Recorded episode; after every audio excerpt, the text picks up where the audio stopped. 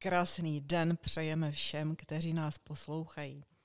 Eh, jsem Pavla Kotizová. Eh, na této fakultě jsem potkala za dobu, kdy jsem tady začala učit, a to už je hodně přes 20 let, celou řadu zajímavých lidí. A dneska jsem si vybrala pro rozhovor jednoho z těch mnoha, kteří mě okouzlili a kteří v mojí paměti eh, zanechali svoji stopu a dneska je to Vít Mach. Dobrý den všem, k vaření, k běhání, k chůzi, i k poslechu, možná i k tanci. Vítku, já vás zdravím a eh, Pojďme si popovídat. Vy tady máte před sebou kávu, já tady mám před sebou vodu, protože kávy už jsem měla dneska dvě. Tak jdeme na to. Na vašich webových stránkách stojí napsáno Probouzím firmy, které zaspaly dobu a taky je tam napsáno Probouzíme energii a radost ve firmní komunikaci. Pojďte nám to vysvětlit, co to znamená. Mm-hmm. Všechno stojí asi na eh, tom, že jsem absolvent FMK a my jsme se tady učili uh, věci o marketingové komunikaci nebo respektive o komunikaci firm, organizací, lidí a tedy. V tomhle já vlastně nějakým způsobem pokračuju a uvědomil jsem si postupem doby, po nějakých třeba osmi letech vlastně od studií dál, že od, od bakaláře teda, že všichni by chtěli dělat ten marketing, všichni by chtěli dělat tu komunikaci. Velmi často, opravdu velmi často, jako slyšíme, my bychom chtěli dělat tu komunikaci, ale já ji nechci dělat, tu komunikaci. Nebo třeba my chceme být vidět, ale zároveň nechceme být vidět. To jsou zdánlivě jakoby nějaké protichůdné, protichůdné jako názory, ale my se s tím potkáváme často. A postupem doby ono z toho vykrystalizovalo po jedné spolupráci a konzultaci s jedním studentem, zdravím Kubu Zajíčka, dneska už teda úspěšným člověkem, tak z toho vyšel tady ten slogan, že vlastně my se snažíme probudit firmy, které zaspaly dobu. Protože jsme nějakých 30 let od revoluce, hm, založila se spousta firm, spousta firm um, nějakým způsobem rozvinula své podnikání v nějakých restitucích a po restitucích a podobně a dochází k obměně generací ředitelů, majitelů těch firm a tak. A někdy ti původní a velmi často spíše ti noví lidé zjišťují, že potřebují tu novou energii, potřebují tu komunikaci. Potřebují se probudit. Takže my jsme si to dali opravdu do toho sloganu a zároveň je to trochu terapeutická, jakoby terapeutický uh, projev toho člověka, který se rozhodne pro tu změnu, protože si to musí uvědomit, že se chce ano. probudit a chce nějakou tu změnu, chce se uh, dostat eh, do toho dneška, potenciálně se připravit na tu budoucnost. No ale samozřejmě eh, to bylo chvilku, protože potom jsme jezdili k jednomu zákazníkovi, který se velmi intenzivně věnuje jakoby rozvoji firemních kultur a bylo to fajn, on na to velmi jako aktivně reagoval, že to je velmi dobré, ale po dvou letech už nám trochu jako naznačil, že eh, když tam pořád jezdíme a pořád tam máme napsáno, že probouzíme firmy, které zaspaly dobu, takže už to mm, potřebuje se posunout dál. A tak jsme se vlastně tady z té první fáze dostali do té druhé a dneska říkáme, že probouzíme radost a, a odvahu ve firemní komunikaci. Mm, potenciálně jakoby a, radost, odvahu, energii ve firemní komunikaci. To zní úžasně a já jsem si jistá, že my všichni vaši bývalí pedagogové máme obrovskou radost, že jste takto pojal celý ten princip komunikace a firmní komunikace. A obzvláště já mám velkou radost, protože mě vždycky provázel celý život, celý můj profesní život, nejen tady na univerzitě, právě korporátní identita, která s firmní kulturou hluboce souvisí. A já bych se ale chtěla zeptat na další věc, protože já vím, že vy jste na střední škole eh, studoval obor, který je sice velmi potřebný pro marketingové komunikace, ale přece jenom je trošku jiný, že jste vystudovaný ajťák. Co vás přivedlo na FMK? Projekty neziskových organizací. Protože eh, krize je příležitost. Eh, zdravím Martina Navláčela juniora, který tohle vždycky zmiňoval, tak eh, taky absolvent FMK. Tak on říkal, nebo respektive tam byla nějaká, nějaký projekt, paraparáda, doufám, věřím, že ještě pořád pokračuje, super věc v nějaké inkluzi a bourání nějakých stereotypů, pomáhání komunikaci napříč různými uh, skupinami lidí.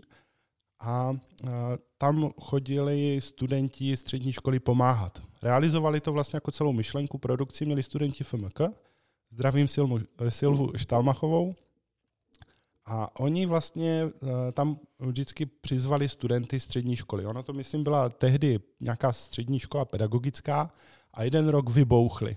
A přišli na naši střední školu, vybrali si náš ročník, tak jsme tam prostě byli ti v vozovkách nejposlednější nosiči vody na té akci a já jsem si přičichl k něčemu jako, aha, to je tady ta, tady je něco, co by mě bavilo, nějaká komunikace, nějaká energie, něco dělat jako, ne takový ten job od 9 do 5, ale byla tam prostě taková opravdu jako energie. A mě to hrozně zaujalo a naprosto jasně jsem šel sem a dokonce jakoby uh, to, řekněme, volání nebo to přesvědčení bylo potom tak silné, že jsem si chtěl dát přihlášku jenom sem. Nevím, jaká jsou čísla teď, tehdy se hlásilo asi 800 lidí, brali 50. Já jsem byl naprosto přesvědčený, že se dostanu. A myslím, že moje manželka Katka mi tehdy přítelkyně říkala, neblbni, dej si ještě nějakou jinou přihlášku, tak jsem si z povinnosti ještě něco tady dal, ale to jsem úplně ignoroval a šel jsem sem a, při, a nakonec jste mě přijali. tak to máme velkou radost, obzvlášť proto, že vidíme, že eh, ta léta, která jste tady strávil, nebyla tady strávená jenom na večírcích a podobně, což studenti velice rádi, ale že jste si z toho odnesl tu podstatu toho, co je důležité přinášet eh, zákazníkovi a co je ve firmách důležité. Já si také uvědomuju, když se tak vzpomenu, že vy jste tady ale studoval na dvakrát, že jste dělal bakaláře a skončil jste, což nás moc mrzelo, že jste nechtěl postupovat hned do magisterského studia, ale potom jsme vás přece jenom uvítali a, a setkali jsme se i u státnic. Tak Já si myslím, že to souvisí asi s nějakými životními uh, hodnotami, cíly, a tím, co člověk od eh, toho nějak jakoby očekává. Zase krize je příležitost. Já jsem vlastně vystudoval bakalář 2008 až 2011 a pak jsem chtěl navázat vlastně na magistra. A tehdy bylo to pravidlo, možná ještě pořád, že musíte mít dva roky praxe, abyste mohla jít na to magisterské. Já jsem to tehdy nesl hrozně mm, jako negativně, ale mojí prioritou bylo si vzít moji tehdejší přítelkyni, nynější manželku a bylo to pro mě důležitější než to studium. Takže vlastně jsem eh, ten život jako si plánoval spíš kolem té svatby, než kolem studia. Následně jsem vlastně začal pracovat ve svém prvním zaměstnání ve stavební firmě Navláčil, ve Zlíně asi velmi známé. A tam jsem strávil ty dva roky, ty v úvozovkách povinné pro, tu, eh, pro to magisterské jakoby dálkové. Mezitím jsem si vzal svoji ženu a následně jsem začal tady studovat jako na magisterském dálkovém. A tak proto ty dva roky povinné praxe, protože to platí pro dálkaře, nikoli pro denní studenty. A doplním, že to bylo obrovsky zajímavé, to srovnání jakoby té bakalářky denního studia a toho kombinovaného, protože uh, když nám bylo těch 19 na tom bakaláři, tak člověk je spíš taková ta houba, která nasává ale ten moment, kdy, a vzpomínám na to obrovský rád, zvlášť ve srovnání s nějakými jinými uh, zkazkami z jiných jako škol, kdy my jsme tady byli bráni jako partneři nebo jako lidé se jménem a ne lidé s číslem, tak uh, vlastně nám nějaký učitel, někdo z vás, řekl třeba nějakou teorii podle někoho, velmi často to doplnil svojí praxí a u těch dálkařů, když se tam zvedali lidi uh, z jeho českého divadla, ze Sasky, z Vitany, já nevím z jakých, jakých firm, z O2 a, a podobně, to jsou ty větší a pak ze spousty jako menších, tak říkali jako ty svoje zkušenosti, ten svůj reálný feedback na to konkrétní téma. Jako tohle, kdyby mělo být jako placený workshop někde jako sdílení zkušeností, to bude stát neuvěřitelný balík peněz. A tady to bylo jako by za pár korun. Bylo super. Máte plnou pravdu, protože učit třeba dálkaře je i pro nás eh, úžasně výživná záležitost, protože my se taky dozvídáme spoustu věcí, těch reálných věcí z reálné praxe, protože přece jenom uh, ti pedagogové, kteří nejsou v tom denním uh, kontaktu s praxí, tak velice oceňují ty, všechny ty nové poznatky. A my víme, že marketing se vyvíjí úplně eh, neuvěřitelným tempem, že se to mění všecko a je potřeba zůstat, jak se říká, na tepu doby. To klobouk dolů, určitě takhle to říct. A jednou jsem se bavil s kamarádem, jako co to na tepu doby, to je tak jako řekněme, to je zase řečeno s pozitivní konotací. A kamarád, bavili jsme se kdysi s kamarádem jako nadneseně trochu, jak si kdo představuje peklo. A já si ho představuju tak, že mi ujede vlak. A já vím, že on mi jednou ujede, to prostě jakoby nejde. Ale snažím se to jakoby uh, trochu posunout co nejdál a snažím se prostě ty věci vnímat a snažím se fakt jakoby bořit ty své stereotypy. Ale takhle, to jsem totiž i let kdy slyšel ve firmě, ale pane Machu, my to takhle už děláme 30 let. Ano. Říkám, tak aspoň se zamysleme, jestli to nejde udělat třeba líp, jinak, levněji, efektivněji, s větším dopadem na něco a podobně. Protože 30 let mi ty koleje už jakoby před sebou vytyčené. To je ta moje představa toho pekla. No. To zní naprosto fantasticky. To je jeden z důvodů, proč já pořád nedokážu skončit, přestože už jsem stará žena s šedivými vlasy, ale pořád musím a musím chodit mezi mladé a musím se učit novým věcem, protože jinak mi to prostě nedá. Mám taky strach, aby mi neujel vlak. I když nevím kam.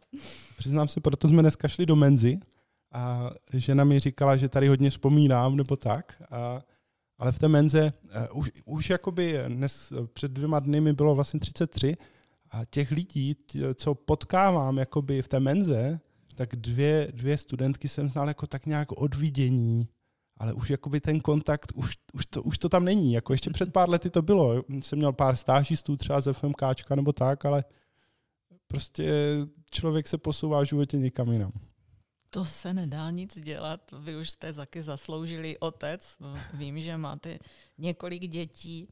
Eh, tak eh, pojďte mi třeba říct něco o nich. Mám tři děti.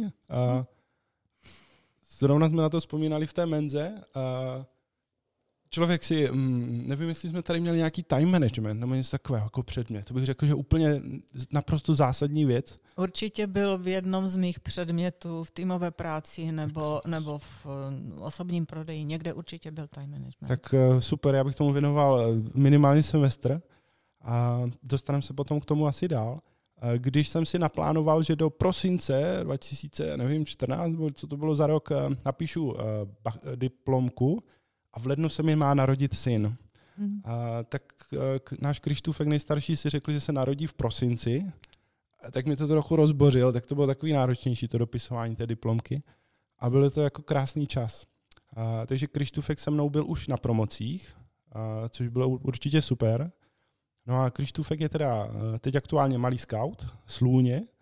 A Marketka je kreativec, zodpovědný a Anetka je naše taková člověk, který ukazuje, že ta energie v tom člověku je a prostě potřebuje být nějakým způsobem jako využita a je neunavitelná. Teď jste mi odpověděl na otázku. Chtěla jsem se zeptat, jestli budou z vašich dětí marketáci. Tak zdá se, že už skoro jsou. My se je snažíme ke všemu jako přizvat. Někdy jako moje nervy samozřejmě, někdy to nezvládám, ale snažíme se k tomu, aby ti, eh, co říkal Baťa, to je takový tady známá, známá postava ve Zlíně, já si myslím, že jeho známost jako tak 50 km za Zlínem už jako eh, velmi jako propadá, že to je někdo jiný než jenom jako značka bot, ale jakoby je to zlínský fenomén a mně se velmi líbí, jak on říkal, jako co chceš, můžeš. Takže my se no. snažíme, aby všechno mohli, ne, jakoby všechno mohli, aby všechno mohli zkusit. Ano. A, takže oni samozřejmě si zkusí jako fotit, nad, u nás na domě na zahradě zkusí, zkusí zahradničit, eh, teď tam třeba betonovali, je jim 7, 5 a 3 roky, takže pro ně je to nějaké házení jenom jako trochu betonu, ale prostě, aby to mohli zkusit, na to šáhnout. A to jako kam ta cesta jejich životní jako povede, to už bude samozřejmě záležet na nich, ale ta schopnost si to zkusit, předat tu zodpovědnost, to je v podstatě tréninky pro nás. Ovlivnilo uh, tento přístup výchovy vaše studium tady nějak, nějak aspoň z části? Tak samozřejmě, určitě. My jsme si to pochválili uh, teď. Já myslím, že je to asi uh, jako soulad jako spousty věcí. Samozřejmě, jak jsem říkal, na FMK nejsou lidi jako čísly, ale jsou to uh, konkrétní lidé. To je asi jeden bod, ale pak samozřejmě je to i, ta, i ty další věci, jakože spousta nějakých i osobních vzorů jako v rodině, anebo třeba mm, spousta lidí, kteří mě se věnovali v různých jakoby u Salesiánů, tady nějaká nezisková organizace ve Zlíně, takže je to nějaká soulad, nějaká synergie, spousta, spousta jakoby vzorů a, a takhle nějak jsme k tomu asi přišli. No. Vítku, povězte mi, eh, máte čas na nějaké svoje zájmy a koníčky? Vy jste tady nakousl eh, ten váš jeden velký zájem už, Salesiány. To jsme zase u toho time managementu. A u věcí jako vážit si sám sebe, vyhradit si pro sebe čas a podobně. Při rodičovství, podnikání a péči o, o dům je to jako hodně velká výzva mít jako čas v vozovkách na sebe. Učím se to a líbí se mi v tomhle asi jeden citát, jakoby, že člověk by měl být každý den v lese aspoň 20 minut a když na to nemá čas, tak 40. Nefungu, nedaří se mi toho dosáhnout, ale rád bych se do tady toho jako nastavení trochu jako dostal. To je úžasné, to je rada pro všechny a je to rada i pro mě a hned jak skončíme, tak si to zapíšu do diáře velkým písmem. Vítě influencer. Já teď se zeptám na pár věcí a takové to teď bude rychlovka.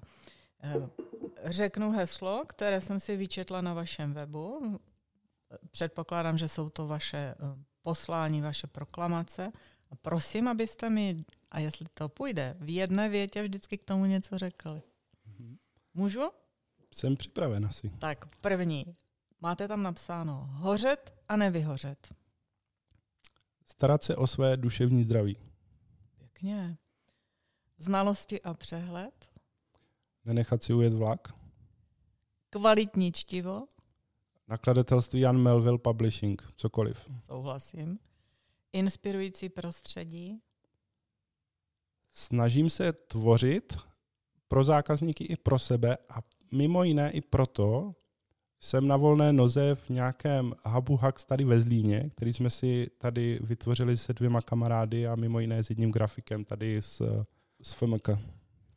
A pak jsou tu další dvě. Eh, dokud nejde o život. Mám to doříct?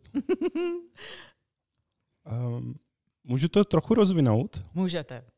Tohle je hodně zajímavá věc a souvisí to zase s tím time managementem, odpočinkem a podobně. Uh, já mám dojem, že my Češi chceme být poznání posledního roku dvou asi.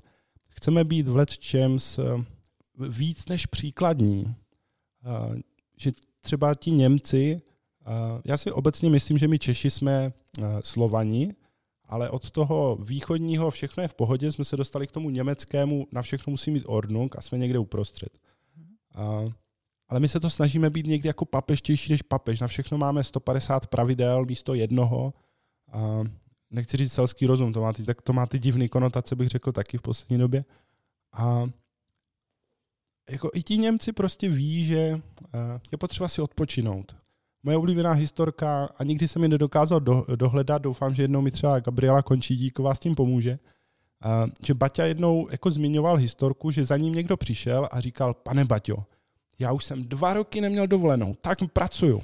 A já vždycky to dodávám jako moji vysvětlivku, že ten velkokapitalista, v podstatě ten Baťa, mu odpověděl, tak to asi moc nepracujete, když si nemusíte odpočinout. A to je obrovské kouzlo, obrovská jakoby hloubka, to zastavit se a zmíním mého nejoblíbenějšího dokumentaristu Petra Horkého, to nejtěžší, co je být sám se sebou v tichu. A, a to jsou strašně důležité věci. A potom, když jsem se bavil třeba s jedním uh, známým, co třeba realizoval bazény na Balkáně, tak úplně opačný extrém. Investory ze střední Evropy. A teď tam všichni čekají na ten beton, aby mohli vybetonovat tu bazénovou vanu. A beton nepřijede. A já jsem říkal, no a jak jako, že nepřijede? My tady v Česku máme harmonogramy, všechno a tak. A oni říkali, no tak beton není dneska, beton bude zítra. A, a vlastně pohoda. A teď jsem se říkal, no a co ten investor, jako, který je ze střední Evropy a je zvyklý na ten ordnung, na ty pravidla. A on říkal, on ví, v jaké zemi staví, takže on je s tím jako smířený. Si říkám, ty a to nemá být výzva k tomu jako flákat se nebo tak, ale že my někdy jedeme strašně přes čáru, to je to duševní zdraví A zapomínáme na to, že tady jsou ty věci i někde jako jinde. Jako. To je zajímavé a s tím souvisí určitě i e, to poslední, co tady mám, na co se zeptám, e, ta vaše věta, co nebudu dělat. Je to provokativní? Hmm, asi teď nevím, v jakém kontextu to myslíte. Jedna z těch věd, které jsem našla u vás na webu, něco, co nikdy nebudete dělat, co nikdy... Jo, a, a pro koho možná? Možná taky pro koho. Já se obecně snažím, mm, jako moje taková nějaká jako vize je dělat eh, lepší svět okolo sebe. Postupem věku, eh, postupem jako těch let eh, zjišťuju, že um, člověk nezmění celý svět. Člověk nezmění celý uh, třeba zlín nebo něco takového. Naopak si myslím s postupem, s postupem doby, že nejdůležitější je změnit sebe a, a ráno si ustlat postel, jak se říká, jakoby, uh, že tím já můžu pomalu jako měnit svět, že vlastně jako nejdřív můžu změnit sebe a potom jako vlastně člověk jako nevidí tu zpětnou vazbu, jako let kdy, jako, uh, že se to jako promění. To znamená, co já nebudu dělat, já nechci dělat věci, které, které ten svět jako zhoršují. A z toho potom jako se odvíjí spousta věcí do toho, řekněme, denního, denního života. A samozřejmě zní to krásně, ale je to obrovská výzva. Denodenní, od rána až do večera, jako nedělat ten svět horší. Vítku, vy jste řekl tolik úžasných věcí ze kterých si i já odnáším, tak jak jsem to říkala na začátku, že když mluvíme eh, se studenty, a vy už tedy nejste student, ale s lidmi z oboru, s mladými lidmi, tak vždycky se obohatíme a to je i dnes můj případ, že jsem se obohatila o celou řadu věcí. Jsem ráda, že jste přijal moje pozvání a přeju vám, ať se vám vaše podnikání moc daří, ať si udržíte to nadšení, které máte a ať to nadšení dokážete stále přenášet do těch firm. A to myslím zcela upřímně. Moc krát vám děkuji. Děkuji vám za pozvání a děkuji za FMK.